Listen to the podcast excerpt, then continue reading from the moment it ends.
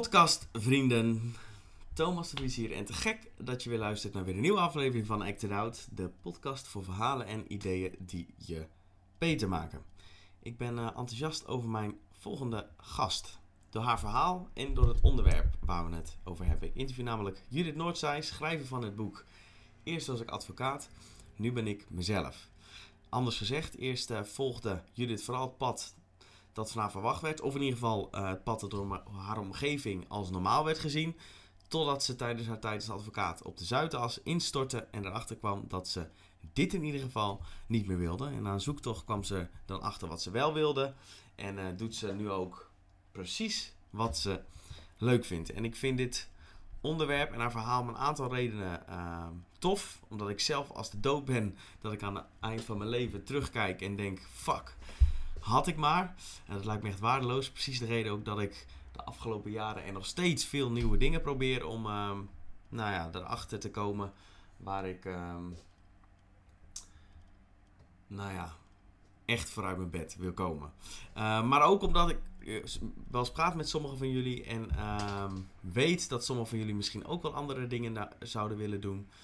Alleen misschien niet precies weten wat, hoe en wanneer. En dat is ook de reden waarom ik ons gesprek waardevol vind. Uh, jullie vertelt het verhaal hoe ze erachter kwam wie ze was en wat ze leuk vond. Maar daarnaast vertelt ze ook heel praktisch van als je dan weet wat je leuk vindt, hoe je daar centjes mee kan verdienen. En als we daarover praten, dan hoor je toch nog een klein beetje die zakelijke advocaten naar boven komen. Maar serieus een mooi gesprek waar iedereen die wel eens twijfelt over wat ze zouden willen doen, wat aan heeft. Als je nog niet geabonneerd hebt, het zou te gek zijn als je dat nog even doet. Of de aflevering te delen via social media. Voor nu, veel luisterplezier. Ik waardeer jullie allemaal nog steeds. Doei!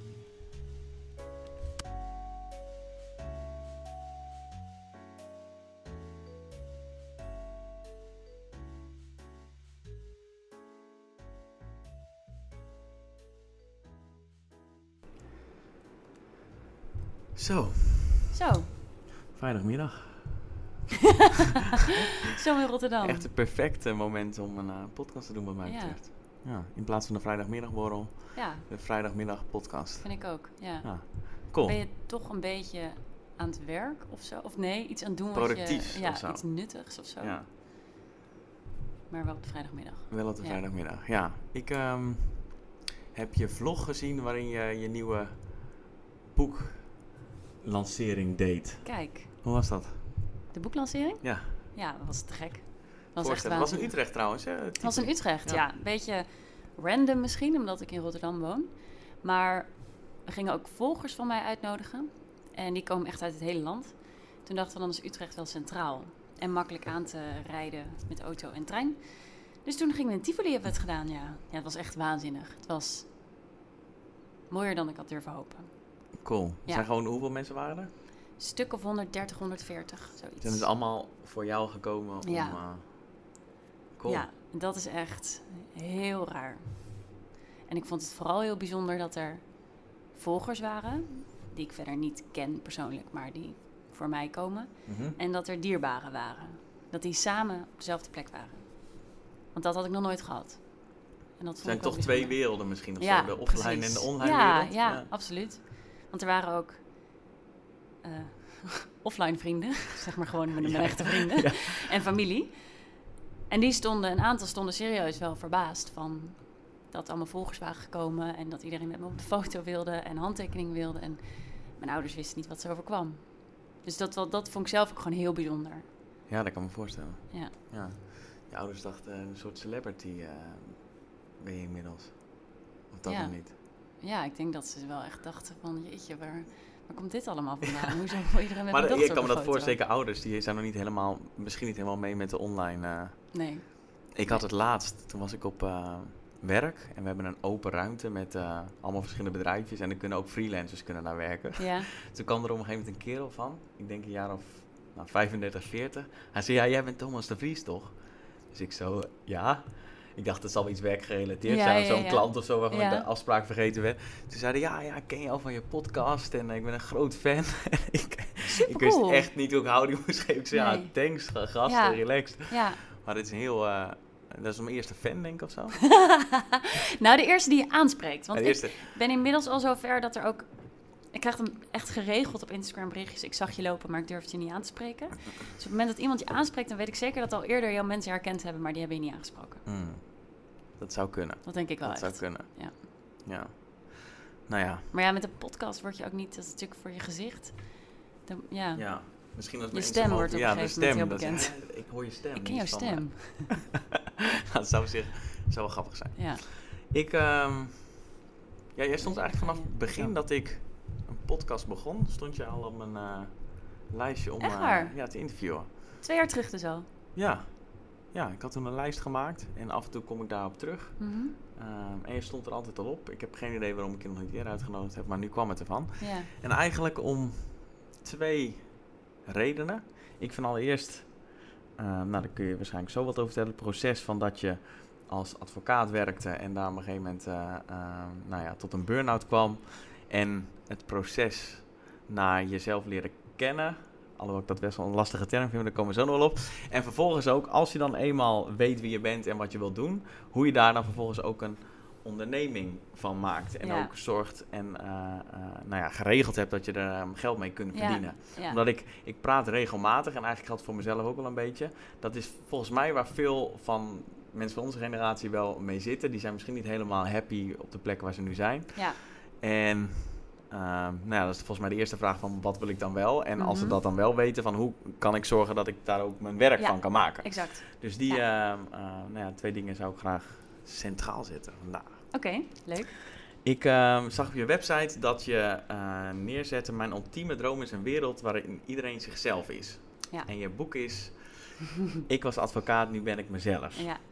Wat bedoel je daar precies mee? En ik vind het namelijk een beetje ingewikkeld als mensen zeggen: Ik ben gewoon mezelf. Dat snap ik en dat hoor ik veel vaker. Dus wat is het voor jou? Misschien is dat eh, een goed startpunt. Wa- Wat bedoel je ermee? Dat ik weet waar ik van hou en dat ik weet waar ik energie van krijg en dat ik dat kan doen. Dat ik daarmee bezig kan zijn. Dat ik niet het gevoel heb dat ik me moet aanpassen. Of dat iemand van me vraagt dat ik me aanpas. Dus wat ik bedoel met die ultieme droom waarin iedereen zichzelf kan zijn, is eigenlijk dat iedereen van zichzelf weet waar hij voor staat en waar hij energie van krijgt. En dat hij het leven kan leiden wat daarbij past, zonder beperkingen. Hm, En dan bedoel ik echt beperkingen, mentale beperkingen. Ik bedoel, natuurlijk, je kunt niet altijd doen Nee. waar je energie van krijgt. Ik ben maar 1,73, ik word geen uh, eh, Precies. Ja. precies. Hmm. Maar stel, stel je was 1,93 geweest of 2, 2 meter 3. Ja. Dat je dan dus mentaal niet de beperking had gehad. Dat je dacht, ja, ik ben hoog opgeleid. eh, ik word maar geen basketballer. Hm. Terwijl je het eigenlijk wel zou willen. ja, Dat bedoel ik ermee. het geloof of zo. Vertrouwen. Vertrouwen. Cool. En dus gewoon, ja, en echt gewoon zelfkennis. Want ik vind dat het, en dat bedoel ik ook in mijn boek heel erg, daar gaat mijn boek heel erg over. Jezelf zijn is niks anders dan ja, jezelf kennen. Weet waar, hoe jij in elkaar steekt. Weet waar jij omgeeft. Weet waar je, in welke omgeving je graag wilt zijn. En leef daarnaar. Hm.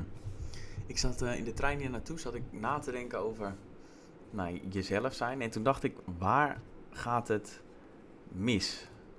Dat zoveel mensen, waaronder wij, eigenlijk iedereen, Ja. daarmee stoeit. Hoe, hoe komt dat? Heb je daar enig idee van? Ik kan me voorstellen dat je daar ook enigszins over na hebt gedacht, omdat je er een boek over Ja, geschreven hebt. ja er, er zijn twee, drie hoofdstukken in mijn boek helemaal aangereikt. Dus eigenlijk had ik gewoon je boek moeten lezen. Als je mijn boek had kunnen gelezen, hadden we hier niet, eh, niet hoeven zitten. Oeps. Nee, dat geeft niks. Maar ja, daar heb ik wel een bepaalde visie op. Ja, en er zijn. eh, ik ga natuurlijk nu niet mijn hele boek eh, citeren. Nee. Nee, maar er zijn, er zijn zeker meerdere omstandigheden. Waardoor wij, en dan vooral denk ik de generatie waar. Onze generatie, de millennials, laten we zeggen, die nu eh, die geboren zijn tussen 1980 en 2000.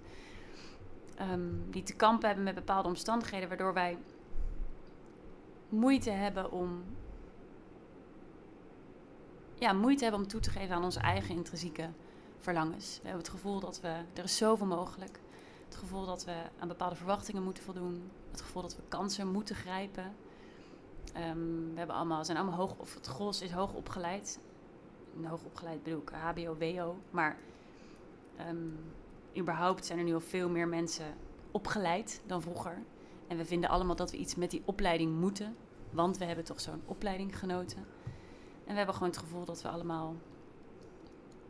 ehm, en ik generaliseer natuurlijk nu iets. Mhm. Maar het gros heeft gewoon het gevoel dat ze dus naar bepaalde maatstaven moeten leven. Omdat de mogelijkheden er zijn.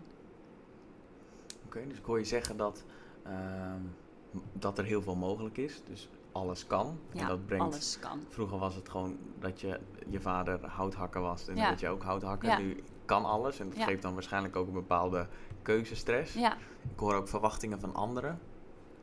Dus ouders die hun eh, verwachtingen van een kind projecteren Ja. op... eh, En daarmee bedoel ik niet eens per se dat die ouders die verwachtingen ook daadwerkelijk hebben. Maar er zijn heel veel mensen die vinden dat ze naar hun ouders toe moeten laten zien dat ze succesvol zijn. En wat is succesvol? Is natuurlijk ook, kunnen we ook een, een uur over vol kletsen. Maar mhm. ehm, het is nog niet eens per se zo dat ouders echt daadwerkelijk uitgesproken hebben van ik vind dat jij advocaat moet worden. Maar het is wel zo dat veel ouders eh, destijds nog niet alle mogelijkheden hadden om, om een studie te kunnen gaan doen. En die hebben dat voor ons gefinancierd of deels gefinancierd of ons in ieder geval ergens gesupport om het te doen. Ja. En dat we die druk voelen om te laten zien van ik ga er nu iets mee doen. Ja, dat geloof ik. En je kunt dingen bewust zeggen, maar je kunt ook heel veel dingen onbewust Ja, oh, dat ook. Absoluut. Zeggen, ja. Absoluut. Het is alleen maar Ja. de, de, de dingen waar je, waar je een compliment over geeft. Eh, als een kind dingen doet waarvan de ouders vinden dat het in lijn is met het verwachtingspatroon dat ze van die kinderen Dan hebben, dan krijg te daar, krijg je daar complimenten op. Waardoor een kind denkt, oh oké, dat is het gedrag wat Ja, goed is. ja. En dat is niet eens bewust, maar ja, dan is het... exact. In hoeverre denk je dat ehm, ehm, de opzet van ons educatiesysteem Ja, daar ook niet echt aan bijdraagt? Dat je in HAVO 4 of VWO 4 al een beslissing moet maken die... En dat er überhaupt niet gevraagd wordt van, joh, wat vind je nou eigenlijk leuk? ja dat vind ik, nou ja, ook daar gaat een hoofdstuk in mijn boek over. Serieus. Ehm, staat nee, want dat is uiteindelijk in essentie dus, want dat is ja, wat ik zeg, dat we, we zijn zo gestuurd om op een bepaalde manier te denken en vooral zo gestuurd om over bepaalde dingen niet na te denken. Oké. Ehm, want inderdaad, eigenlijk begint het al, ik bedoel, van, als ik, dan heb ik het weer over onze generatie, maar uiteindelijk zijn het problemen die, die veel breder, eh, of niet problemen, eh, issues die veel breder Uitdagingen. getrokken, uitdagingen, die veel breder getrokken kunnen worden. Maar van onze generatie zijn heel veel mensen die een kleuterklas hebben overgeslagen. Waarom? Als je, op je, als je, wil- je was vier en je kon al eh, lezen en rekenen, mocht je door, mocht je meteen naar groep drie. En de focus lag alleen maar op vaardigheden. Leer die vaardigheden. De rekenen, taal, schrijven, alles moest je leren. Terwijl eigenlijk groep 1 en 2 de enige twee klassen zijn waarin je jezelf nog helemaal kunt zijn. Bedoel, als je met poppen wil spelen, ga je met poppen spelen. Als je met blokken wil spelen, ga je met blokken spelen. Maar daarna houdt dat op. Daarna moet je in dat keurslijf. En inderdaad, dan ga je in groep 8 een CITO-toets doen. En er wordt niet gekeken naar waar krijg je energie van, waar ben jij goed in. Gewoon, weet je, welk inzicht heb jij en de ander niet en wat vind jij leuk. Er wordt gewoon gekeken wat de hoogste score van je CITO-toets. En dan krijg je een HAVO-VWO-advies. En dan gaan we even kijken of je alsjeblieft dan wel VWO kunt gaan doen. Want het hoogste haalbare moet gedaan worden. Dus iedereen, dus mensen met, met MAVO-HAVO-advies, die, die gingen zich een bochten wringen om in ieder geval allemaal HAVO te kunnen doen. En dan vervolgens inderdaad ga je naar de middelbare school. En dan wordt in de derde of zo, moet je al een profiel kiezen. Dat is nu volgens mij anders. Maar het is allemaal inderdaad gericht op, zodat je later alles kunt worden. Zodat Ja. je later alles uit het leven kunt halen. Ja. Maar we vergeten een heel essentieel punt, denk ik. En dat is gewoon, Wat Wat vind jij je leuk? dat zo, ik weet nog precies dat ik in eh, VWO 3 moest je dan je, je richting kiezen. Mhm. En toen koos ik voor economie en maatschappij Ja, met natuurkunde en biologie. Omdat ik dan de opties nog... eh, Precies. en toen had ik twee weken natuurkunde gedaan. Toen dacht ik, fuck dit. En toen ben ik geschiedenis gaan doen, wat ik gewoon leuk vond. ja, Maar het is inderdaad zo dat je alle opties maar open wil houden. En je daardoor in bochten gaat wringen. ja. En, ja, en ergens vind ik dat opties open houden dan nog wel goed. Want dan denk ik, ja, logisch dat je op je vijftiende nog niet weet wat je de rest van je leven wil gaan doen. Maar het is inderdaad, je, bent dan al, je hebt dan al moeite met keuzes maken. En je wordt ook niet, vind ik, goed begeleid in het maken van keuzes. Hm. Het wordt alleen maar naar je gekeken hoe, goed je kunt leren. En als je terugkijkt, eh, je bent waarschijnlijk rechten gaan doen. Ja. Daarna advocaat geworden. Ja. Heb je ergens altijd al geweten dat dat het niet was? Of was je er toen je het ging doen van overtuigd dat, dat het de juiste was? Ik heb ergens altijd al geweten dat het zijn van advocaat bij een groot Zuidaskantoor niks voor mij was. Ja. Hm. Op een kleiner kantoor had ik het wellicht wel naar mijn zin gehad. Omdat er waarschijnlijk Maar, menselijker eh, was geweest. Ja, en je daar gewoon andere zaken, kleinere zaken, kleinere belangen. En, en je daardoor ook echt andere werkzaamheden hebt. Hm. Maar, ehm, dus ja, ergens van heb ik vanaf dag één geweten dat het niks voor me was. Maar ik hoopte dat het iets voor me ging worden. Dat hoopte ik echt. Ja, dat kan ik me voorstellen, ja. En wat maakt dat je het toen bent gaan doen? Toch wel gaan doen? Omdat het het hoogst haalbare was. Oké. Ja, eigenlijk wel. Ik zat in zo'n wereldje waar iedereen op de Zuidas wilde werken.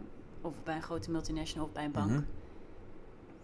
En dat wereldje is dan je vriendengroep? Of? Ja, ik was lid van, eh, lid van Vindicat in Ah, ja. Groningen. Lid Oh, van het ja. koor. En ik denk dat het sowieso wel iets van onze generatie ook is hoor. Om het hoogst haalbare altijd Ja. te willen. Maar het was wel het wereldje waar ik in zat. Waarin het gewoon echt nog wel extremer was. Ja.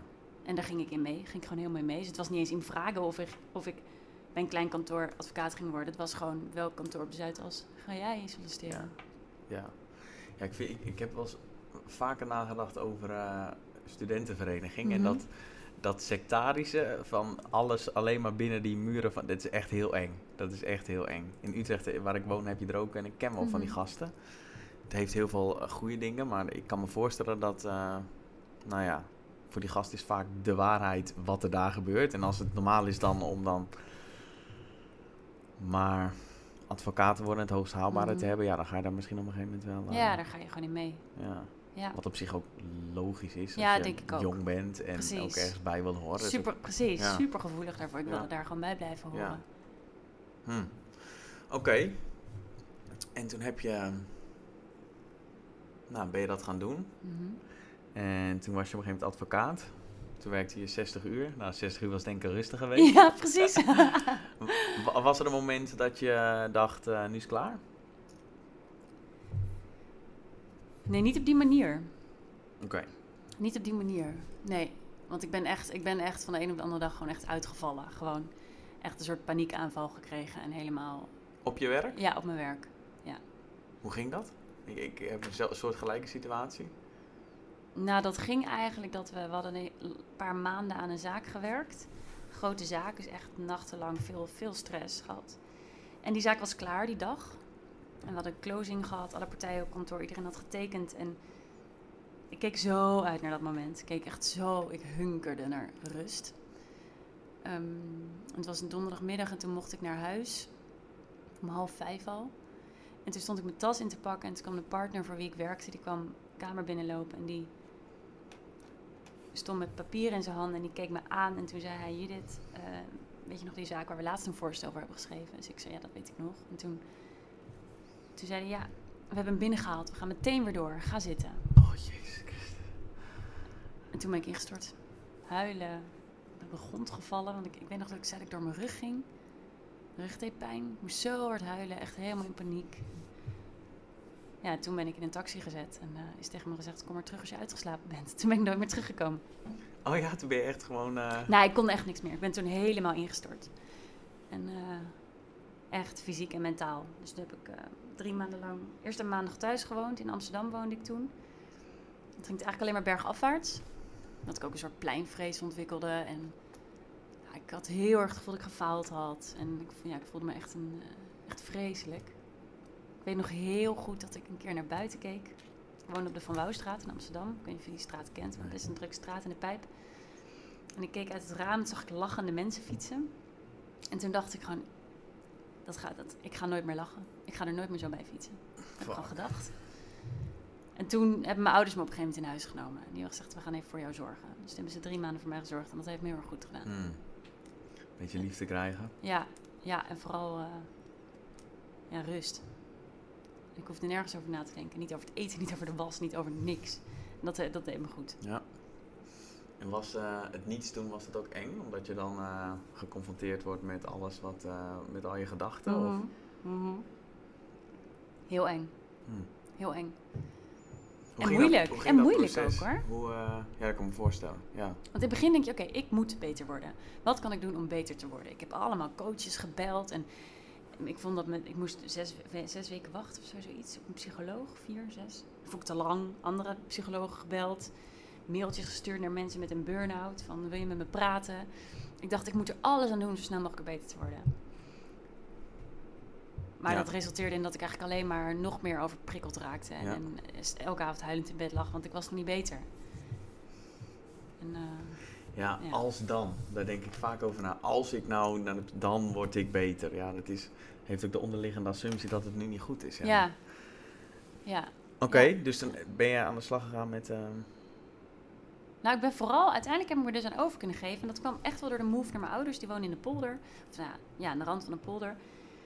En daar heb ik gewoon urenlang gewandeld door weilanden. Toen was er nog niet echt een podcast. Was er nog niet, volgens mij.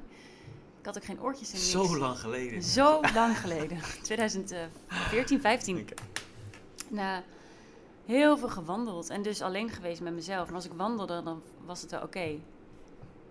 Gewoon, en toen ben ik echt wel tot rust gekomen. Dus uiteindelijk lukte het me wel, het niks doen. Maar dat, dat moet je wel even aan toegeven. Het heeft wel twee maanden geduurd of zo. En waren het alleen ehm, de wandelingen? Of heb je er ook veel over gelezen? Of... In het begin niet. Want in het begin was het echt dusdanig slecht gesteld met mijn hersenen dat ik kon helemaal niet lezen. Ik kon, echt, je ik kon niet lezen. Ik kon ook geen televisie kijken. Dus in het begin is Maar je kon je echt, aandacht ehm, nergens op houden. Nee, ik kon helemaal niet focussen. Het kwam helemaal niet binnen. Het was echt, het was echt vreselijk. Ja. Dus eh, lezen heb ik echt pas na een half jaar of zo weer opgepakt. En toen niet eens zoveel daarover, want het vond ik allemaal te zwaar en te moeilijk. Dus dat, dat eh, heb ik later wel ingehaald.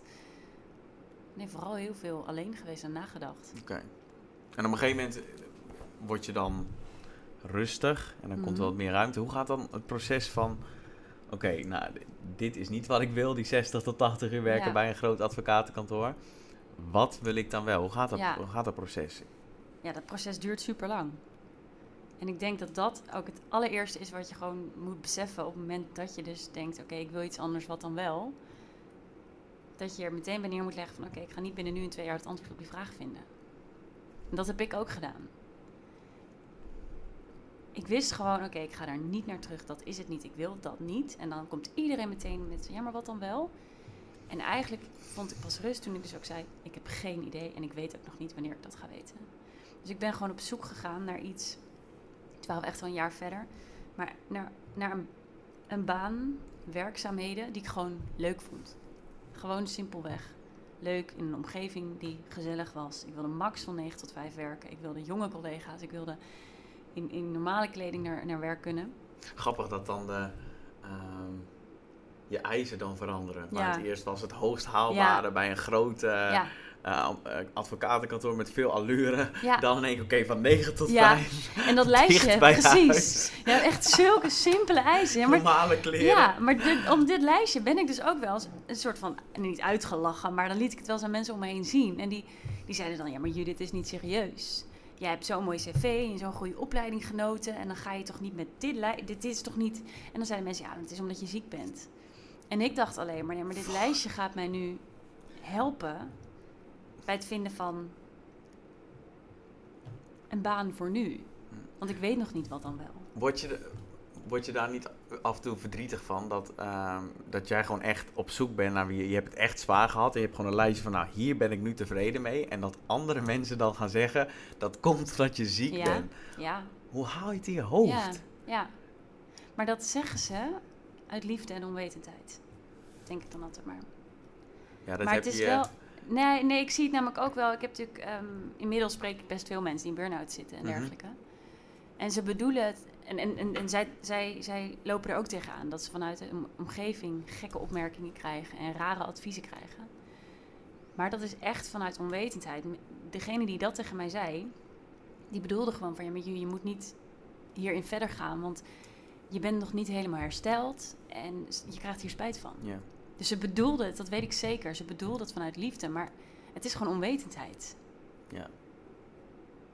ja, en misschien ook wel... Niet jou centraal gesteld... Voordat ze nadacht waar...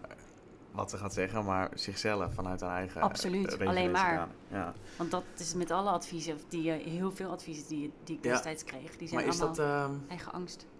Is dat ook iets, stel, ehm, je, je zou een advies of wat zeggen tegen de Judith die in dat, Mhm. met dat proces bezig was? Dat je niet te veel naar eh, mensen moet luisteren die geen verstand hebben van hetgeen wat ze zeggen? Of zeg je wel gewoon de advies ontvangen, want het is uit liefde, dus het, neem het maar aan of zo? Of Nee, mee? nee, Of- niet ontvangen. niet ontvangen, echt bij die mensen laten. Oké. Ja, heb ik ook gedaan toen hoor. Dat, toen kon ik het inmiddels. Of tenminste, dat ging me destijds best, best oké af. Want daarom sta ik nu waar ik sta. Ja.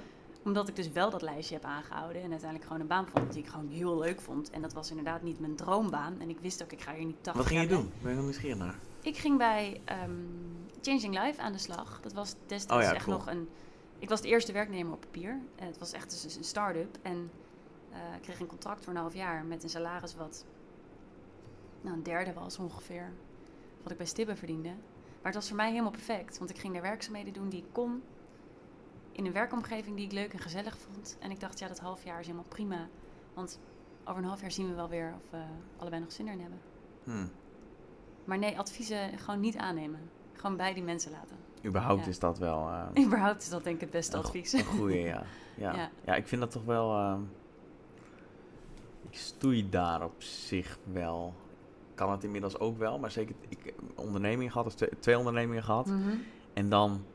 Dat gaat over het algemeen zo buiten het gebaande pad van wat normaal is. Ik had dan ook aan de universiteit gestudeerd bedrijfskunde, dus als Mhm. consultant opgeleid. Dus dat was Ja. heel logisch als ik dan ook bij zo'n groot consultancykantoor eh, ging werken. En ik ging dan een gezonde ontbijtservice starten, omdat Ja. ik gezonde voeding wel nice vond en ik wilde altijd ondernemen. Ja, En dan de reacties die je krijgt, ja. krijgt dan, zijn gewoon af en toe echt niet relaxed. Nee, gewoon. niet. En, en het is best wel lastig, want onderneming is al onzeker. En dan gaan mensen ook nog Ja, eens van... zou je dat wel doen? Ja, zou je... Ja. Hè, hoezo ga je dat doen? Je hebt toch... Ja, Ja, nee, ik heb, inmiddels kan ik het ook al, maar de- de- ik vind dat nog steeds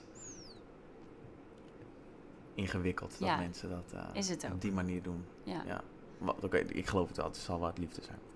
Ja. Maar het is, ik, ik vind het interessant blijven dat als je, zolang je maar in het gebaande pad loopt, Ja, krijg je allemaal, ik bijvoorbeeld nu werk ik wel als marketing consultant, dus in Mhm. principe helemaal in lijn met, en dan krijg ik ook weer van omgeving Ja, schouderklopjes. ja, nou, precies. Thomas, goed Lekker zeg. bezig. Ja, Ja, ja. dat vind ik echt zo raar. ja, maar dat is Zo, het, is, het is hartstikke leuk hoor, maar Ja, eh, dat ik wel denk, ja, oké. maar ik heb het la daar laat, nee, zo een jaar geleden. Want toen heb ik dat een keer ook in mijn vlog benoemd. En toen kreeg ik daar zelfs ook nog wel kritiek op. Maar dat ik het, ik vind het af en toe lastig om, om, ik kom daar ook niet zo heel vaak meer, maar ik heb gewoon nog wel vriendinnen uit mijn studententijd, hele goede vriendinnen. En af en toe dan ben je dus op een aangelegenheid waar nog veel meer mensen uit, eh, dat wereldje zijn. En dan gaat het over, dan is het gewoon de eerste vraag, hé, hey, waar werk jij nu? En dan, oh, wat mooi. En dan, oh, daar, waar werk jij nu? Ja, bij Unilever. Oh, wat mooi. En dan dus ik heb dat een keer gehad op een borrel. Toen, zei, vroeg, vroeg iemand, wat doe jij? Toen zei ik wat ik deed. En toen zei ik, wat doe jij? Ja, ik werk bij Unilever. Toen zei ik, ah ja, dat was niet mijn vraag. Ik, vroeg wat je doet. Ja. Ja, ik zit in marketing bij Unilever. Ik zei, ja, het is nog steeds niet echt antwoord op mijn vraag. Maar hij werd helemaal ongemakkelijk en toen werd hij op een gegeven moment een beetje bozig. Nou, en toen had ik in mijn vlog het erover gehad dat ik af en toe best ongemakkelijk kan worden van dat soort aangelegenheden. Omdat ik het ook wel moeilijk vind. Dat ze allemaal met elkaar aan het opboksen zijn. Waar Ja. werk jij, waar werk jij? En ik, ja, wat doe ik nou? Weet je, Ja, maar dat lijkt me toch wel iets heel... Maar is het, wo- word je er ongemakkelijk van omdat er een oordeel is naar wat jij doet? Ja. Of omdat je gewoon de link mist met die mensen en denkt, ja, ik heb gewoon niks meer gemeen met jullie gasten? Beide, beide, beide, Oké. beide. Dat is wel interessant, dat je nog... De, dat je het lastig vindt om een oordeel te krijgen over hetgeen... Waar, ik herken het wel hoor. Ja, Podcast zeggen ze dan tegen mij. Podcast? Wat Ja. is dat? ja. Mensen gaan toch geen uur naar... dit- ik, Echt ja, wel? Ja, inmiddels wel, ja. Ja. Wel. Ja, maar ik herken dat ja, wel. Ja, dat, dat blijf ik inderdaad wel lastig vinden. Maar goed, ik lig er niet wakker van. En ik ga dan gewoon niet naar zo'n borrel. Nee. Dan zeg ik veel plezier. Ja. Maar eigenlijk zou het leuk zijn als je nog wel de link hebt met die mensen, om er dan ook boven te kunnen staan en wel heen. Ja, met sommigen heb ik dat ook weer wel hoor. En, want ik weet ook, kijk, er zijn ook genoeg mensen die... die wel net iets breder kunnen denken en, en, en kijken. En die Ja. vinden het alleen maar cool en interessant. En denken, oh wat gaaf. Of, of niet eens per se helemaal gaaf, maar oh vertel, waarom doe je dit? En dat vind ik leuk. Ja. Je, hoeft het niet, je hoeft het niet per se gaaf te vinden, maar gewoon openstaan voor iemand anders.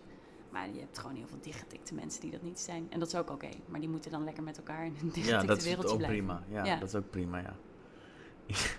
ik werk bij Unilever. Ja, ik, ik moet daar echt... Ja, maar zo gaat dat. Ja, ik moet er echt enorm om lachen. Ik moet er echt Ik enorm ook. om lachen. Maar ik heb altijd al gehad, en het is wel grappig dat ik heb eigenlijk een soort gelijke route wel gehad. Ja. Eh, en, en niet zozeer dat ik op een gegeven moment... Maar ik had altijd al als ik in het hoorcollege zat en dan kwam de CEO van ING of van PostNL of weet Ja, ik ja, veel, ja. Die, die zichzelf veel te zien, echt een stok in een reet hadden en die kwamen Ja. dan vertellen over hoe geweldig ze wel niet waren. Dan had ik al zoiets van, ja, dit is gewoon echt niks, ik heb gewoon Nee. niks met die mensen. Nee. Laat me toch met rust en dan ga ik eerst tien jaar lang kopies maken en alles doen wat jij niet wil doen. En om vervolgens dan datzelfde te kunnen doen bij mensen die jonger zijn dan ik. Ja, dit- nee, oké, grappig. Ja. ja. Maar goed, er zijn echt heel veel mensen die het heel opwindend vinden om naar zo iemand te luisteren. En nou, dat is ook maar goed, want daardoor is het voor zaten ieder wat vooraan. Die zaten vooraan, Ja. ja. in pak. Ja, en toen ik, ik wist één, één keer, toen wist ik echt zo goed dat het werk wat ik deed bij het advocaatkantoor niks voor mij was. Toen, ik zat eerst op arbeidsrecht en dat vond ik nog wel echt het leukste rechtsgebied. In die zin dat je echt nog wel met mensen bezig bent en niet alleen maar over geld en overnames. Ja. En toen was, eh, was die fase dat er nationalisering was van een aantal banken in Nederland. En toen stonden wij een bestuurder bij, die eh, werd ontslagen. En toen ging het om een ontslagvergoeding van 3,5 miljoen of 4 miljoen. Die hij mee zou krijgen als hij uit, uit, dienst trad. Nou, daar hebben we echt. Nee, het moest trouwens wel snel gaan. Dus ik geloof dat het niet super lang heeft geduurd. Maar we hebben er heel veel tijd en energie in gestoken. Want hij wilde per se 4 miljoen. Hij wilde allemaal bijkomende voorwaarden. En hij kreeg maar 3,5 miljoen. Nou, en uiteindelijk verlo- verloren wij de zaak. Hij kreeg niet mee wat hij wilde. En hij kreeg Mhm. slechts 3,5 miljoen. Mhm. En toen was die zaak klaar en hij was weg.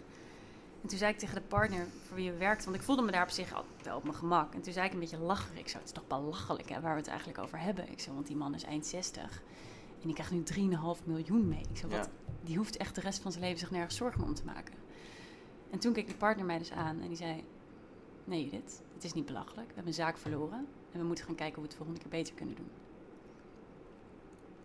Oké. Ja, je hebt helemaal gelijk, Ja. maar dit past niet bij mij. Nee, niet Gewoon zo dat je denkt, ja, dit is niet... Ik, ik, ja, 3,5, 4 miljoen alsjeblieft, hier, ga, weet je wel. Maar goed, ja, dat is natuurlijk waar het om draait. Dan.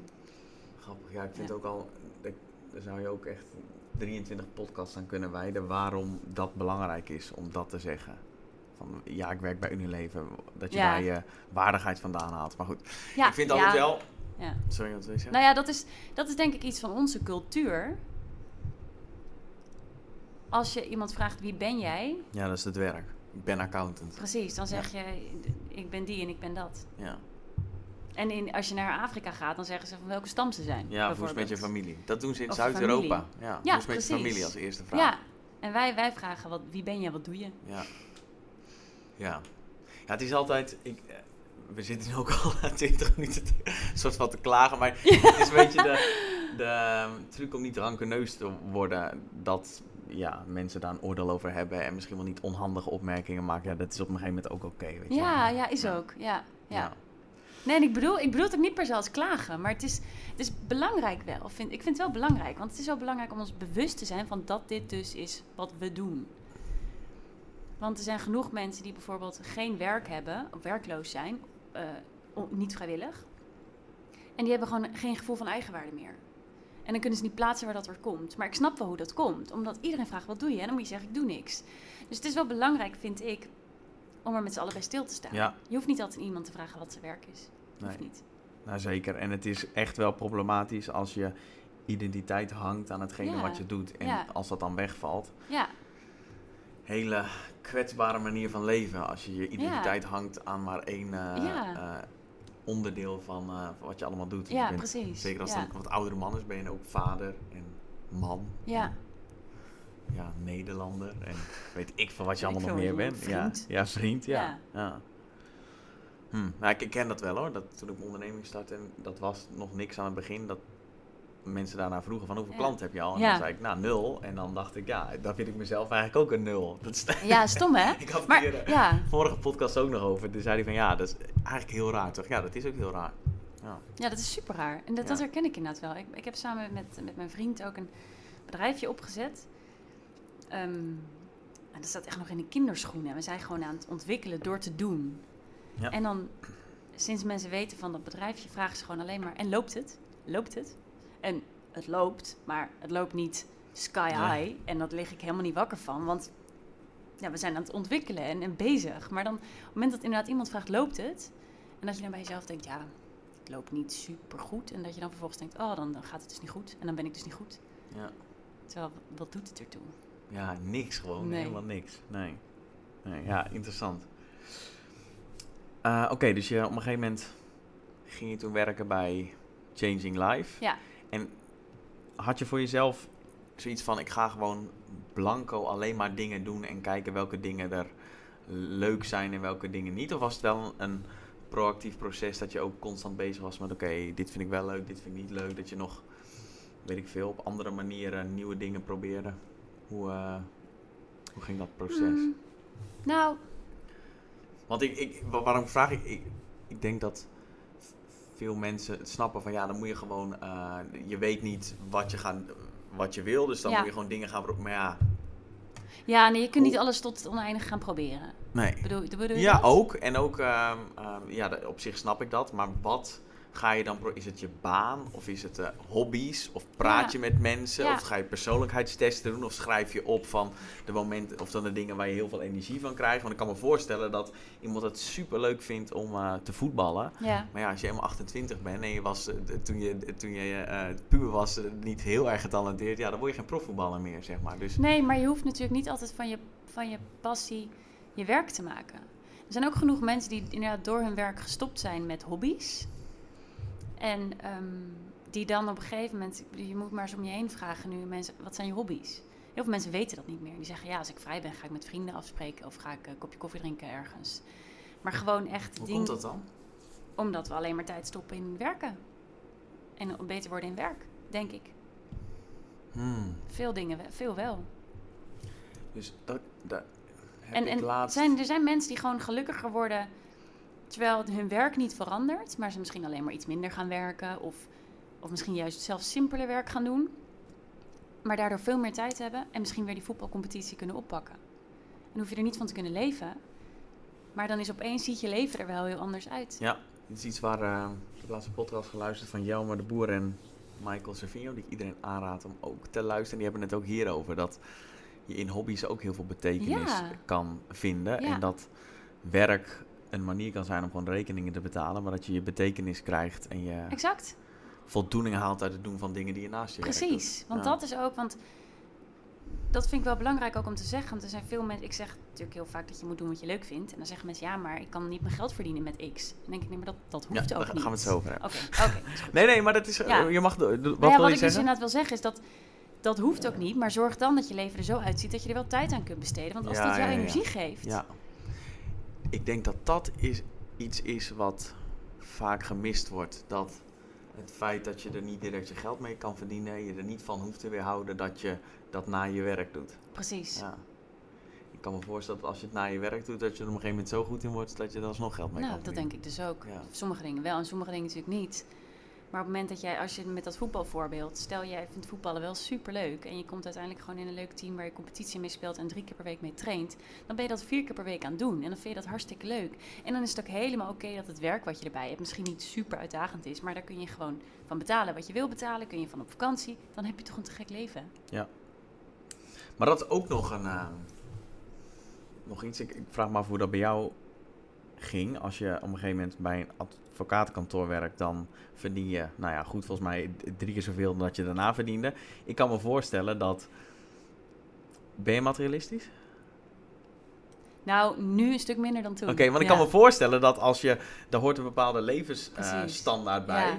En als je dan op een gegeven moment gaat kiezen, nou, ik ga gewoon ontdekken wat ik wil. Dus ik ga een Ja. aantal baantjes doen waar ik niet zoveel vind. Dan moet je dus dat ook. Ja.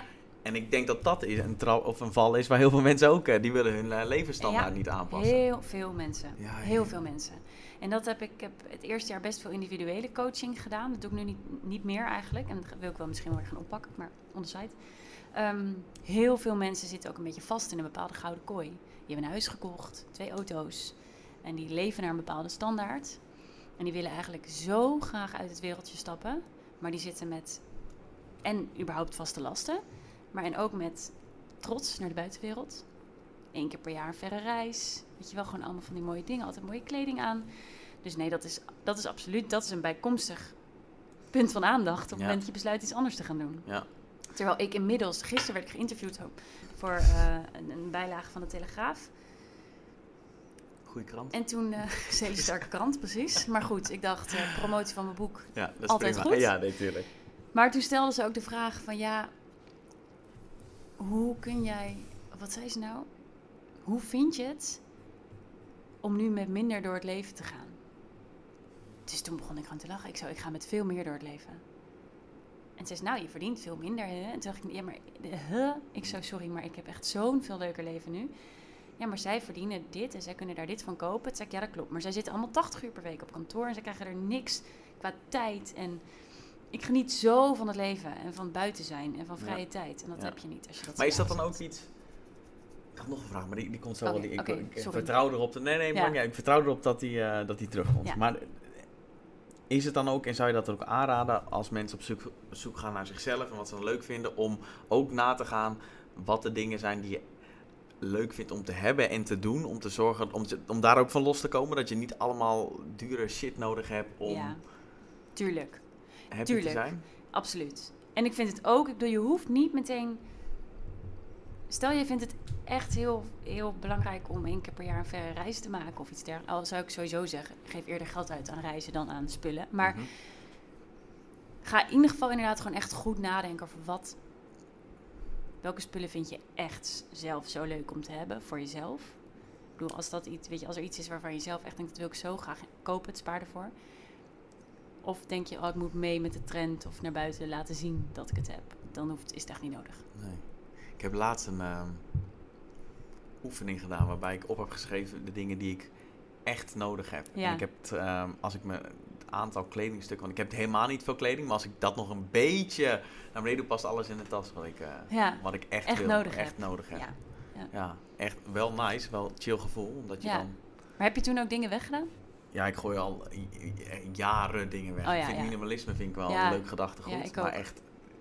Ik Ja. gooi ook heel veel dingen weg, maar ik heb af en toe best wel spijt achteraf hoor. Ik weet niet of jij dat ook hebt. ehm, nee, ik heb nooit spijt gehad. Oh. Nee. Heel soms denk ik als al zonder dat ik dat weggegooid heb, maar ik heb ook vaak genoeg weggooien buien. Top is dat hoor. Ja, vind ik heerlijk. Geeft zoveel rust in je Ja. hoofd. Ja, ik heb, ehm, ik- het was niet een vraag die ik net Oh. had, maar de, de sto, Stoics, ken je, ken je dat, die eh, stroming, de Stoïcijnen? Oh, de stoïcijnen, jij ja. De Stoïcisme, dat Ja? Die, ehm, wat die deden is dat ze één keer per zoveel tijd een keer in ehm, de meest sloeberige kleding rondliepen en alleen maar brood en water aten Mhm. om, ehm, nou ja, de worst case scenario een keer te leven. Om Ja. erachter te komen dat, als dat het ergst is, dat ze nog steeds eh, prima eh, tevreden Ja. kunnen zijn Ja. met alles wat ze hebben. Ja. is een mooi, eh, mooi experiment om een keer te doen. Dat Ja. Stel nou dat je al die dingen verliest, dat het allemaal nog best wel meevalt. Ja, precies. Ja. Vind ik ook een mooi experiment. Maar is, ja, dat is denk ik wel lastig, want dan... Nou, gewoon een week lang eh, of Ja, twee week weken lang lang. op havermout leven of zo. Ja. Ik heb het in mijn studententijd wel gedaan hoor, boterham en pindakaas. Aan het eind van de maand, weet je, vlak voor de studie. Ja, maar dat was meer vlak voor de studie. Precies, noodgedwongen, ja. Je denkt, oeh, studie komt over vier dagen. Maar was ook prima dan waarschijnlijk. Hartstikke prima, ja. ja. Grappig boterham met pindakaas. Ja. Ik had altijd wel een pot pindakaas staan, weet je wel. En dan kocht je gewoon voor een euro een brood. Nou, daar kan ik vier dagen mee vooruit. Echt, hè? Ja. Ja. Grappig. Ehm, Oké, dus veel dingen proberen. Nou, niet, niet per se, ja. Ja, maar niet allemaal in werk, hè. Ook gewoon, Nee? eh, Wat heb je daarnaast gedaan? nou, gewoon de cursus volgen of documentaires kijken, boeken lezen. Gewoon echt een beetje experimenteren waar je hart sneller van gaat kloppen. Wat waren dingen waar jouw eh, hart sneller van ging kloppen? Nou, mijn hart gaat gewoon echt sneller kloppen van menselijk gedrag. Dat vind ik echt super interessant. Ja. Dus dat merkte ik al snel. Daarnaast merkte ik ook dat mijn hart sneller ging kloppen. En dat merkte ik eigenlijk per ongeluk. Dus dat ik op social media gewoon ging delen. Helemaal niet met intentie om veel volgers te krijgen. Maar die kwamen opeens en het sprak aan wat ik deelde. En ik merkte dat ik het heel fijn vond om dat mensen tegen mij zeiden: Oh, wat fijn om die herkenning bij jou te vinden. En dan ging ik met hun het gesprek aan. En toen zag ik opeens er is zoveel behoefte aan praten, aan herkenning. En dat vond ik heel interessant. Ik dacht, waarom durft niemand over een burn-out te praten? Waarom durft niemand te praten over iets waar hij onzeker over is? Waarom is dat? Goeie vraag. Ja, ik denk dat dat er ook. eh, ik denk dat dat er met de paplepel ingegoten is. Je gevoelens niet... eh, Ja, en nou, vooral niet per se. Ja, je gevoelens, maar ook eh, niet je zwak, niet tonen dat je zwak bent. Sterk zijn. hmm. Ja, dat denk ik wel een beetje. En ik denk de mannen hebben dat denk ik nog veel erger dan vrouwen. Maar weet je, huilen. Op het moment dat je ging huilen, was nou droog je tranen, sterke meid, kom. Ik snap dat wel, alleen dat maakt dat we vinden allemaal huilen heel ongemakkelijk. Zo, hoezo? Weet je, lachen is een emotie, huilen ook. Ja. En ook goed als je je emoties eruit wil, Ja. wil krijgen. Ja. Maar dat, dat merkte ik toen heel erg op social media. En ik merkte dat mijn hart er sneller van ging kloppen. Ik dacht, hier, hier moet ik iets mee. Er, er zit iets hier vast bij heel veel mensen. Ik ga opstaan. Dat dacht ik. Ja. Ja. Cool. Ja. Oké, dus toen met ehm, het krijgen van volgers en delen van je verhaal, toen kwam, ik erachter van, ook- toen kwam jij erachter van, oké, dit is wel iets waar... Ja, vooral ook gewoon de, de berichtjes die ik via social media kreeg. Van particulieren, maar ook van bedrijven. Want ook kwamen ook best al snel. Toen werkte ik gewoon nog bij Changing Life, maar ik was ook op social media actief. Dat er bedrijven zeiden van hé, ja, jij, z- komt uit het bedrijfsleven. Je hebt daar, of eh, uit het, nou ja, van de Zuidas. eh, je hebt een burn-out gehad. Zou je bij ons willen komen sparren over hoe wij ervoor kunnen zorgen dat medewerkers geen burn-out krijgen? Dat soort, dat soort verzoekjes kwamen ook binnen. Dus ik merkte ook wel gewoon echt, er is gewoon echt behoefte aan kennis vanuit een, een, een ervaringsdeskundige in plaats van vanuit de, de psycholoog. Dus op die manier merkte ik het ook. En dat vond ik super interessant. En ik, terwijl ik aan het werk was, bij het, baantje, maar dat is hartstikke leuk werk, maar wat ik dus eigenlijk inderdaad voor de time being had genomen, zag ik om me heen hetzelfde gebeuren bij allemaal collega's. Ik was een soort burn-out management aan het doen op een gegeven moment. Iedereen, gemiddelde leeftijd was 27 en iedereen was zichzelf over de kop aan het werken. En daarnaast probeerde ook iedereen nog triathlon of een marathon te lopen of er helemaal ript uit te zien. Iedereen wil dan ook nog eh, een- een- elk weekend een festival meepakken. Je als het kan Het lijkt wel alsof je over, over mij praat. Ik Ja. zit er ook aan te denken op een triathlon. Ja, nee, maar er is ook niks mis met de triathlon. En ik, ik, hou, ik, ik zelf wil ook, maar ook het is wel het wereldje. Precies, ja, maar het is gewoon de eisen die we onszelf opleggen. Oh, wat erg. Maar er is niks mis mee, Ja, no. als je er maar bewust van bent. Ja. En het dus doet omdat je zelf, nou, al, al, maar we leggen onszelf gewoon heel veel druk op. ik ken het, ik had het zelf ook. Ik was Ja. alleen maar, ik, ik had een sixpack, ik stond op elk festival, ik, ik wilde overal bij zijn. Nou, dat was op een gegeven moment was allemaal niet haalbaar. Nee. Niet op lange termijn. Oh, grappig, hè? Ja, Maar de, de- ja, oké. ja, nee, dat is niet handig. Dat is niet, niet altijd handig. nou niet als je het onbewust doet omdat je vindt dat je mee moet doen met de meute. Want Nou. dan, dan loop je zelf voorbij. Dus je moet jezelf afvragen, wil ik die triathlon lopen omdat het mij gewoon een gave ervaring lijkt? Of hebben zoveel mensen om me heen een triathlon gelopen dat ik denk, ja, ik ga het ook maar doen. Ja. Dat is natuurlijk de vraag. Dat, dat valt ook wel samen met, ben je bezig met de uitkomst of met het proces? Vind je Ja. het echt leuk om te Ja. zwemmen, fietsen en hardlopen? Precies. Of wil je gewoon zeggen op je social media dat je Ja, een triathlon exact. hebt na een half jaar trainen? Ja, exact. Ja. Ja.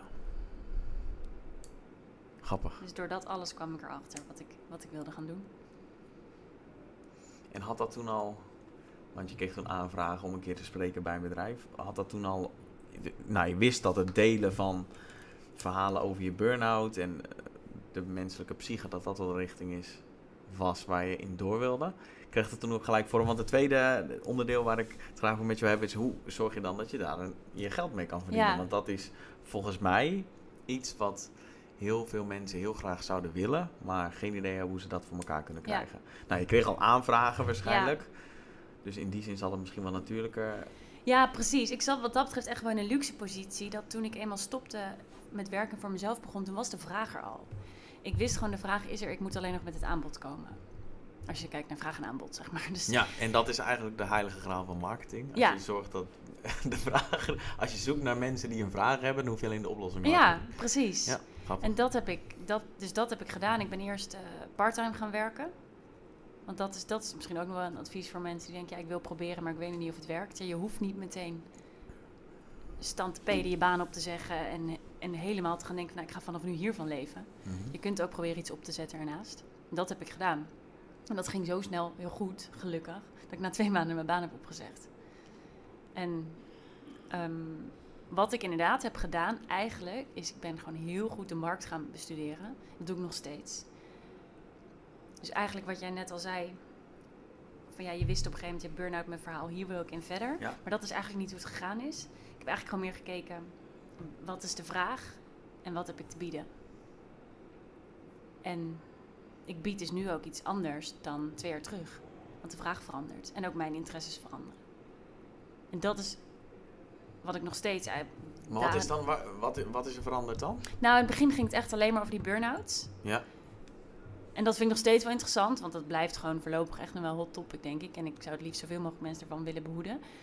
Maar nu gaat het ook veel meer over, oké, hoe kom je erachter wat je wil doen? Ook als je helemaal geen burn-out hebt gehad. Maar hoe, kom, en hoe komt het dat we met stressklachten zitten? En hoe kun je je leven zodanig inrichten dat je blij wordt van je leven? Dus het, gaat nu, het wordt nu iets breder steeds. En dat vind ik zelf ook heel leuk. Want je hoeft niet een burn-out te hebben gehad om daar in je leven om te gooien. Ja. Het kan ook zonder burn-out. Ja. Als je praat met mensen over ehm, het indelen van je leven zodat je het le- leuk vindt. Wat zijn veel voorkomende dingen die mensen gewoon... ehm nou, zit daar een, een lijn in met dingen die mensen eh, leuk vinden om te doen? Of, Nou, het- nee, nee. de- iedereen vindt iets anders leuk om te doen. Want ja, we zijn allemaal anders. Dus daar zit niet echt een lijn in. Maar de lijn die er wel in zit, is dat bij iedereen begint met dat je moet leren nee zeggen. oh ja? Ja. Want? Nou, iedereen... Oh nee, eigenlijk wel. Er zijn, iedereen wil meer tijd voor zichzelf. Die lijn is er, Oké. nu je het zegt. Bijna iedereen die ik spreek in workshops, lezingen, één op één, social media. Iedereen wil meer tijd voor zichzelf. Oké. Maar dat kan niet, want. En dan komt er een hele waslijst. En dan, als je dan vraagt, ja, maar moet dat allemaal echt? En dan, ja, nou ja, ik vind eigenlijk dat. Of ik heb al gezegd dat. Dus moet, iedereen moet leren nee zeggen. Leren prioriteiten stellen. We Ja. kunnen niet alles. Ja. Dus daar zit het hem wel in, denk ik. Ja, dan zit ik de laatste. Ik zei voor de podcast dat ik eh, de laatste tijd wat te druk ben. Ja. Ehm, en toen dacht ik, hoe komt dat nou? En toen dacht ik, ja, het is gewoon echt een gebrek aan prioriteiten, prioriteiten stellen. Ik wil gewoon, ik wil weer alles doen. En ook omdat ik heel veel dingen leuk vind. Dus dan, maar dan, het gevolg is dat ik alles maar half doe. Ja. En dan nooit het gevoel heb dat er iets afgemaakt is. Dus Precies. echt prioriteiten stellen. Ja. Ehm, Oké, wat wilde ik vragen? ja, nee, we hadden het over inderdaad hoe je voor je business zorgt dat het wat gaat opleveren. Ja. Ik denk, want ik denk wel echt, als je ergens heilig in gelooft en jij echt ziet, echt toekomst erin ziet, dan, dan denk ik dat je er sowieso iets van kunt maken wat je ook wat gaat opleveren. Ik denk alleen wel dat je misschien af en toe je plan moet bijstellen. Want je moet gewoon kijken hoe, hoe ziet de markt eruit en wat wil de markt. En ja, Hm, ja, ik ben het Ja. er helemaal mee eens. Ik, ik, Ja. ik- ik- heel even terug nog en Ja. dan gaan we. Ja, kut, nu ben ik hem weer kwijt. Ehm, Het was wel echt een goede vraag, dus ik wil hem stellen. over nee zeggen? Eh, Prioriteiten? oh ja, dat was Yes. hem. Ja, thanks. Yes. Ehm, ja, leren nee zeggen. Iets wat ik de laatste tijd probeer te doen. Ik merk altijd Ja. dat als ik mijn week is op zich, dan kan ik heel makkelijk nee zeggen, omdat ik weet wat mijn prioriteit is. Maar ik doe het dan in de toekomst. Zeg ik, nou, over drie weken, vier weken en dan is het zover. En dan denk ik, Fuck. waarom heb ik er Ja. nou weer ja tegen? Ik heb er helemaal geen zin in. Ja. Dus nu, ehm, ik heb ooit iemand dat horen zeggen, of laatst iemand dat horen zeggen. Als ik een beslissing, oh ja, Grip, het broekgrip van eh, Rick Ja? Pastoor. Heb je ja, ja, eh, ja. namelijk Ik heb niet gelezen, maar mee? ik, ja, Heel goed boek. ja, ja. Hij zei, wat ik doe als ik ehm, een beslissing maak of ik iets wel of niet doe. Kom dan... ik bij je op terug. Wat of zeg niet? je? Zegt hij dan, kom zegt ik bij op terug? Nou, hij eh, eh, vraagt zichzelf dan af als ik het morgen zou moeten doen. Zou ik het dan doen? Oh ja. En als de ehm, vraag nee is, dan, ehm, dan doet hij het niet. Nee, precies. Een andere geheugensteuntje wat ik... ik dit is een ja. En prioriteit, voor mij een prioriteit om dit te doen. Een ander ding wat ik mezelf probeer af te stellen is het hell yes. Dus echt een 100% ja. En die, die dingen heb je allemaal. Van bijvoorbeeld vriend, uitjes met bepaalde vrienden of weet ik veel, een concert van Ja. iemand of wat dan ook. Dan denk je, ja, dit is gewoon, dit moet ik doen. Ja. Nou, daar zeg ik sowieso ja tegen. Maar Ja. als het een eh, is, dan weet ik. Dus het is hell yes or no. Dat is Oh een, beetje het, eh, Oh een beetje het dingetje. Dat probeer ik.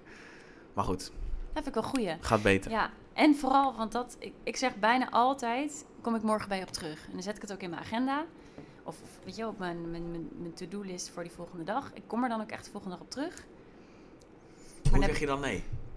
Hoe, hoe, eh, want kom morgen bij terug, ga je erover nadenken. Heb Ja. je niet de druk van het moet nu. Precies. En als je het dan niet gaat doen, hoe communiceer je dat dan? Ik heb Want erover daar- nagedacht en ik heb besloten het niet te doen. Punt. Punt.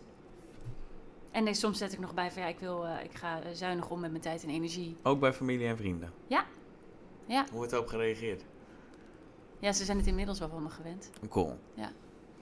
Maar ja, nee, dus inmiddels zijn ze het van me gewend. Dus, dus ja, die reageren wel oké. En eigenlijk Hmm. moet ik zeggen, ook met zakelijke dingen kunnen mensen het vaak best wel waarderen als je gewoon eerlijk zegt van op dit moment wil ik daar mijn energie niet aan besteden. Ja. Kunnen mensen heel jammer vinden, maar vaak wordt het wel wordt er heel positief op Ja, gereageerd. ja ik, ik- zakelijk gezien kan ik dat wel. Vind ik dat wel eenvoudig, maar Ja. familie en vrienden. En ik heb ook steeds vaker dat mensen eh, mijn podcast luisteren en dan zeggen: Ja, we een kop koffie doen, want we hebben dezelfde interesses. En ja, ik oh, vind dat wel doen. een ehm, lastige, want Niet doen. nee, niet doen. Want ik denk dan, ik besteek echt veel tijd in het maken van de podcast. Ja. Daar steek echt veel tijd Ja. in. Je vraagt me, omdat we gedeelde interesses hebben, om een kop koffie te gaan doen. Ja, Dus dan, ehm, dat is zo. Maar ik heb bij mijn vrienden ook gedeelde interesses. En daar kan ik ook een kop koffie mee gaan doen. En, eh, maar het, het voelt wel, want ik ben heel dankbaar dat mensen mijn podcast luisteren. Maar ik heb daar nog niet een, ehm een gewoon maar dit, antwoord dit, op. dit gewoon zeggen. Dit gewoon eerlijk zeggen. Ja. Dat je het zo lastig vindt. Dat kan je er best bij zeggen. Ja. Dat je het als een compliment ziet dat iemand je benadert. En dat diegene dus graag met jou een kop koffie wil drinken. Maar dat je inderdaad ook vrienden hebt waar je een kop koffie mee kunt drinken. En dat je niet met iedereen een kop koffies kunt gaan drinken. Dus dat je hier toch nee tegen zegt. Ja. Want dat is uiteindelijk waar het op neerkomt. Ja. Want, maar uiteindelijk, dat is wel grappig als je het over hebt over markt en vraag en aanbod. Ik heb daar dus een, een businessmodel van gemaakt. Ik weet niet of je het op mijn website hebt gezien, maar ik bied nu aan de koffiedate. Ja, en bre- burn-out breakfast of zo? Ja, maar ja, dat is iets maar dat is weer wat totaal anders inderdaad. Maar cool. Maar ik, ik krijg ook geregeld, echt geregeld, dagelijks bijna, verzoekjes van mensen die zeggen... Ja, ik, ik heb ook een burn-out gehad. Eh zullen we er een keer over sparren? Ja, En inmiddels ook van heel veel mensen die coach zijn en zo. En die zeggen, oh, we hebben dezelfde interesses. En ik denk dat het meant to be is als we nu koffie gaan drinken. En dat is natuurlijk een prachtig compliment. Maar dan zit ik de hele dag koffie te luiten. ja. Nou, als mensen tegen mij zeggen het is meant to be dat wij een koffie... Dan denk ik, nou, Die het is meant to be dat wij geen kop koffie gaan Ja, drinken. Als je dat zegt, dan I know, ja, je- nou, ik vind ik ook. Jezus Christus, hou je... Nee, maar ik, eh, ik waardeer het wel, maar ik vind het wel... eh, Nee, het is een super groot compliment. Maar ik vind het wel interessant. Daar heb ik het met ehm, Charlotte van het Woud Mhm. over gehad. Over het geven van advies. Ik vind dat nogal. eh, Maar hoe bedoel je het geven van advies? Nou, als je een, ehm een koffiedate met iemand doet, Ja. waarschijnlijk geef je dan iemand. Of stel je alleen vragen. We kletsen. Oké, Ik, ge- ik, ik geef niet per se advies. oké. Maar voel je je. Die mensen willen heel veel vragen aan mij stellen. Dat is het vaak. Oké, en dat dan geef je vanuit eigen ervaring. En dan geef ik gewoon het erg Ah, cool. antwoord. Maar dus dat dat vind is ik wat we doen. Cool. Dus het is geen, eh, geen adviesgesprek. Nee. Maar het is echt, mensen zi- zitten dan ook ik ben beginnend coach en jij doet het al een jaar. Eh, het lijkt me zo mooi om een keer met jou koffie te drinken. En inderdaad mensen die zeggen, ja, volgens mij is het meant to be dat we op elkaars pad zijn gekomen. En dan denk ik ook altijd, maar, maar goed, dat maakt niet uit. Maar dan, en dan zeg ik van, nou, we kunnen best koffie gaan drinken. Maar ja, er zijn genoeg mensen die dat willen. Dus dan kunnen we een koffiedate plannen. Dan vraag ik dit bedrag voor. En er zijn veel mensen die dat gewoon wel willen betalen. En dan Mm. hebben we eigenlijk gewoon een heel leuk gesprek. Ja, interessant. Ja. Ja, ik heb ook wel eens daar vragen gekregen of ik ook coaching dingen doe en zo. Ja, Maar nee. Is niet wat ik wil doen op dit moment. Nee. Nee. nee.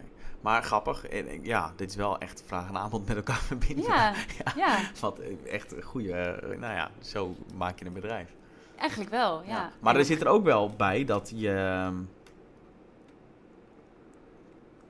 De. ehm, Nou, de waarde ziet in je eigen verhaal. En Ja. dingen die je zegt. En de Dat- antwoorden die je geeft. Ja, dat is ook wel zo. Dat zie ik denk Ja. ik ook wel. En Ja. dat is misschien ook alweer het mooie aan social media. Dat je op een gegeven moment die waardering krijgt. En zo va- vaak te horen krijgt van mensen van... Oh, doordat jij dit zei, durf ik nu ook uit te spreken dat X. Ja? Ja, echt Maar zo is- vaak. Maar is dat niet ook gewoon de, de zakelijke hard en hardheid die je eh, ontwikkeld hebt eh, in je tijd als advocaat? Dat je gewoon gaat voor wat je wil? En, Oh, dat wel, ja. Toch? Ja, Ja. dat sowieso, ja. ja. Dat merk ik ook wel als je zegt, ja, de vragen gewoon naar de markt kijken en vragen aan. Want ik, nou, er zit ook nog wel van dat pittige van. Oh, dat zit er van- ook zeker nog wel in. ja, Ja, ja. ja, ja. je, kan, eh, je kan mij wel uit de advocatuur halen, maar de advocaat nooit uit de meisje. Dus Nee, Oh. dat is ook wel zo. Dat, maar daarom, ik denk ook wel, dat moet denk ik ook wel gezegd worden. Ik denk niet dat iedereen het ondernemerschap in zich heeft. En dat is niet per se positief of negatief. Maar ik denk wel dat je jezelf dusdanig moet kennen. Je denkt, ben ik wel de juiste persoon om zelf iets op te gaan zetten? Mhm. Of kan ik beter, als ik dit zo leuk vind om te doen, een bedrijf zoeken waar ik dat kan doen? Want je moet, ondernemer zijn is af en toe ook keihard. En je moet ook hard kunnen zijn, denk ik. Ja. Ja, daar ben ik het mee eens. Heb je ideeën hoe je daarachter komt als je een ondernemer bent? Wat is het eigenlijk een ondernemer? Ja, weet ik eigenlijk ook niet. Goeie vraag. Ik zei dat laatst tegen mijn vriend. Hadden we het over iemand die ondernemer is. Zeg ik, ja, maar hij is geen ondernemer. En dus mijn vriend zei, ja, jawel, hij is wel ondernemer, want hij heeft een bedrijf. Ik zei, ja, nee, zo bedoel ik het niet. Maar toen dacht ik, ja, daar ga je inderdaad al. Wat Ja. is eigenlijk ondernemer? Ja. Ehm, Nou, volgens mij is het wel iemand die ehm, enigszins comfortabel is in chaos ja. en eh, kansen kan zien. Ik denk dat dat wel twee onderdelen zijn van. eh, ja, maar niet alleen zien. Ook in actie komen. ja, oké. ja. Want dat denk Ja. ik ook juist heel erg. Ik denk niet bang zijn. Ik, ik denk eerder nog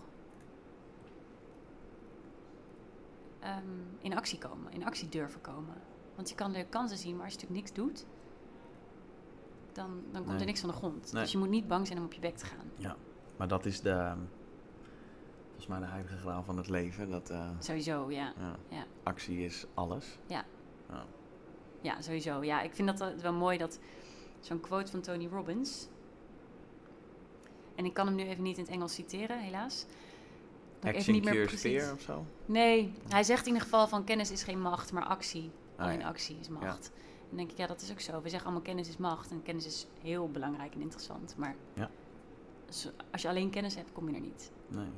Vroeger was dat overigens wel zo. Dan was kennis was het allerbelangrijkste. Als je wist waar de sabeltandtijger zich bevond, dan Ja. kon je, dat was kennis. eh, ja, maar nu is precies. Nee, maar kennis is heel goed. En als je in actie komt, de, de- ik denk de package deal is het best. de kennis en, eh, En, ja. en actie. hè. En gewoon de durf. Lef. Een ondernemer moet lef hebben. Wat ik nog eh, mezelf afvroeg, het schoot me net te binnen. Op het moment. Oh nee, toen je jezelf aan het leren kennen. Oh ja, ja. ik vind dat zo lang die term. Maar ik snap het inmiddels. Heb je toen ook feedback gevraagd aan anderen? Ja, je mensen om je heen? zeker. Ja, juist. Heel erg. En k- kwamen die, lieten die je dingen inzien waar je zelf niet... Die je zelf nog niet wist? Of kwam, kwam je tot nieuwe inzichten daardoor? Of was dat een bevestiging van hetgeen wat je toch al wist? Nee, er komen ook echt wel nieuwe dingen naar boven. Of vooral dingen waarvan je zelf denkt... Ja, dat is wel zo, maar wat doet het ertoe? Maar dan zie je opeens dat vier vriendinnen dat bovenaan schrijven... als wat jou typeert. En dan denk je, oh, zou ik mezelf nog helemaal niet bekeken. Dus nee, er komen ook echt wel, echt wel nieuwe dingen. Dat, dat, dat, dat, vind ik ook echt wel belangrijk om te doen. Dat je inderdaad feedback vraagt uit je omgeving. Vooral als je in zo'n fase zit van... Oh, wie ben ik eigenlijk? Dat je gewoon eens om je heen gaat vragen. En dan niet op iemand afstappen en zeggen, hé, hey, wie ben ik? Want dan Ja. overval je ze en dan komt er niet altijd het beste antwoord uit. Ja. Maar ik heb mailtjes gestuurd en gewoon gevraagd of ze daar in hun eigen tijd, op hun eigen moment, antwoord op zouden willen geven. Grappig. Ja, ik- voor mij is het ook een, eh, iets waar ik veel mee bezig ben de laatste tijd. Ik heb laatst eh, aan mijn familie en beste vrienden heb ik opgestuurd drie dingen waarvan ze vinden die, dat ik het goed doe. En drie Ja. dingen waarvan ze vinden dat ik het beter, eh, Ja. beter kan. En dan Ja. zie je inderdaad wel veel dezelfde, dezelfde dingen. Ja, ja. Ja. grappig. Maar het is super leerzaam. Ja, heel leerzaam. Ja. ja, zelfs al als ze de dingen zeggen die je zelf ook van jezelf vindt, als je het iemand anders Exact. hoort of ziet Ja. zeggen als ze het opgeschreven hebben, dan komt het toch, eh, dan besef je het wat meer of zo. Ja. Dan, ja. Ja, absoluut. Dan ga je het ook meer geloven, denk Ja. ik. ja. Ehm, wanneer had je die burn-out? Oktober 2014 viel ik uit. Oké. En toen ben ik in eh, november 2015 weer aan het werk gegaan. Laten we zeggen de Judith in 2013 Ja, in vergelijking met de Judith in 2019. ja, Wat is er veranderd? alles. Echt alles. Echt ja. Ja. Ja, al, ja, ik weet niet zo goed wat ik moet zeggen eigenlijk. Wat is er veranderd? Ja, ik ben nu gewoon... Ik ben, ik ben blij en rustig en comfortabel met wat ik doe hoe ik in het leven sta, met wie ik ben. En ik was toen niet blij en rustig en comfortabel met wie ik was en hoe ik in het leven stond. Ik was continu op zoek naar bevestiging. Ik liep op mijn tenen. Ja, alles. Hmm. Nice, Ja, toch? ja zeker. Ja. Heb je nu nog wel eens momenten dat je op je tenen loopt en Oh, niet tuurlijk. bent? Ja, jawel. Maar dat zijn echt momenten. Oké. Wat doe je op zo'n moment? Dan grijp ik in, dan neem ik rust. Of dan, of dan doe ik wat nodig is om tot rust te komen. Maar eigenlijk wat, je, wat we net voor de podcast begonnen, dat jij zei, ja, ik heb een aantal red flags voor mezelf. Ja, die heb ik ook. Dus op het moment dat ik de signalen herken dat ik weer te ver ga, natuurlijk gebeurt dat. Want ergens zit het ook in je, denk ik, dat je door wil. Wat zei, heb je, kun je een voorbeeld geven van een, eh, een Ja. red flag van jou? Ja hoor, emotioneel. Ik ben al best wel emotioneel van mezelf, maar als dat nog heftiger is, dat ik Hmm. gewoon om, om het, minste of geringste begin te huilen of iets, dan weet ik gewoon van ja, oh, ik loop weer, ik ga over mijn grens heen. Slaap ik ook slechter, kom ik niet in slaap, dan word ik vroeg, heel vroeg wakker. Dan weet ik ook van hé, hey, als ik relaxed ben, slaap ik best oké. Dus dat zijn van die, van die signalen en dan kan ik nog op tijd ingrijpen. Dan eh, plan ik wat extra vrije tijd. Cool. Ja. Nice. Ja. Eh, wat heb ik nog vragen aan je? Had je je ehm, vriend al in dit? Die heb je daarna ontmoet? Ja, nee, in dat hele proces had ik hem niet. Was ik vrijgezel. Dus ik heb, eh, we zijn nu 2,5 jaar samen. Oké. Dus ik heb hem ontmoet toen ik nog bij Changing Life werkte. Ah, oké. Ja. Cool. Ja, Ja, de vraag was, eh, heeft hij geholpen in dat proces? Maar ja dat, eh, nee, er nee. was niemand. toen was ik alleen. hmm. En daar ben ik ook best wel blij mee. Dat je het zelf hebt gedaan. Ja, en ook dat je niet in een lastige situatie komt. Want het lijkt me echt vreselijk om de partner te zijn van iemand met een burn-out. Dat lijkt me echt heel moeilijk. Dus ik ben best wel blij. Ik had niemand met wie ik rekening hoefde te houden. Ik was gewoon in mijn eigen isolement en dat was helemaal prima. Ja. Ja, en ook de... Ik kan me voorstellen dat als je een, een relatie hebt... Dat je, eh, omdat de rest alles zo onzeker is... dat je heel erg vast gaat klampen aan je partner... als Ja. van enige zekerheid. Waardoor je best wel een afhankelijkheidsrelatie krijgt. En Kan ik dat me ook voorstellen. Voor de dynamiek ook niet heel Ook niet erg, best. eh, nee. nee. Nee, nee. Nee, dus ik, eh, ik heb toen zelfs wel gedacht van nou, ik, ga ik ga überhaupt nooit een vriend krijgen. Want ik ben zo'n hoopje ellende en dat, dat soort dingen. Oh ja? Oh. Ja, heb ik echt wel gedacht. En toen dacht ik daarna ook van ja, en dat is misschien ook helemaal fijn. Ik moet gewoon, mijn eerste doel wordt, mijn enige doel wordt om gewoon in mijn eentje gelukkig te zijn. En dat lukte en toen opeens kreeg ik een vriend. Ja. Nou, nice. Ja, Dat zie je vaak, hè? Dat je als je op het moment dat je chill bent met jezelf... Ja. dat je dan... eh, ja. Ja. Heb je nog ehm, boeken of mensen of podcast of boeken. weet ik veel, ehm, hoe heette die oud-Egyptische bladen, Hieroglyphen. hieroglyphen, die, die je kunnen helpen bij eh, eh, nou ja, de zoektocht naar jezelf of de Ja, ik weet een heel goed boek en dat heet Ik was advocaat, nu ben ik mezelf. Ja, maar sowieso, ik zal hem in de show notes zetten. Ik zal hem in Ja. de show notes zetten. Ik ben nieuwsgierig Oké, en ik ga hem lezen. ja, is goed. Ehm,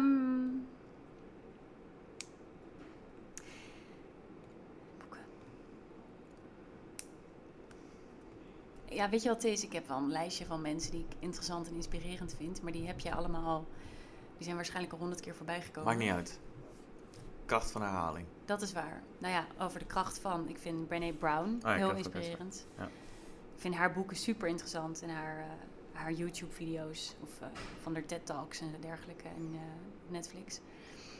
En dat vind ik heel mooi. En ik zie haar ook wel een beetje een soort van voorbeeld met de kracht van kwetsbaarheid. Ik denk, ja, ik stel me nu ook mega kwetsbaar op met mijn boek ook. En dat vond ik echt super eng. De eerste vijf minuten op Tivoli heb ik keihard huilend op het podium gestaan. Omdat ik het zo eng vond en zo spannend en alles samenkwam. Maar uiteindelijk nu de feedback die ik dan weer van zoveel mensen krijg, dat dat zoveel mensen vinden. Als je kwetsbaar bent, ben je eigenlijk op je sterkst, denk ik. En dat vind ik dus heel mooi bij haar.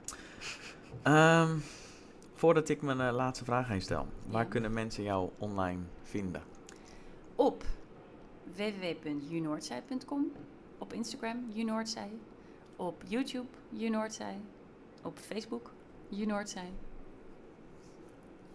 En op bol.com. En op bol.com, uiteraard. Ja, die vergeet ik Ja. inderdaad bijna. Maar daar is het gewoon Judith Noordzij. Judith Noordzij. Ja. Cool. Dus overal Ju Noordzij. Ja. Laatste vraag. Laatste vraag. Nou, allereerst thanks voor je, nou ja, bereidheid om hier überhaupt eh, tegenover te zitten. Maar ook voor het delen van je verhaal, Graag kennis. Ik vond het erg leuk.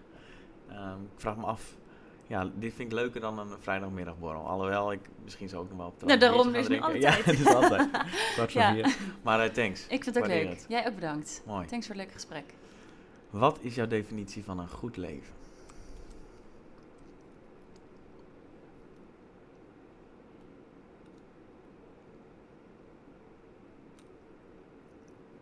Dat je kunt doen wat je wil doen met de mensen met wie je wilt zijn.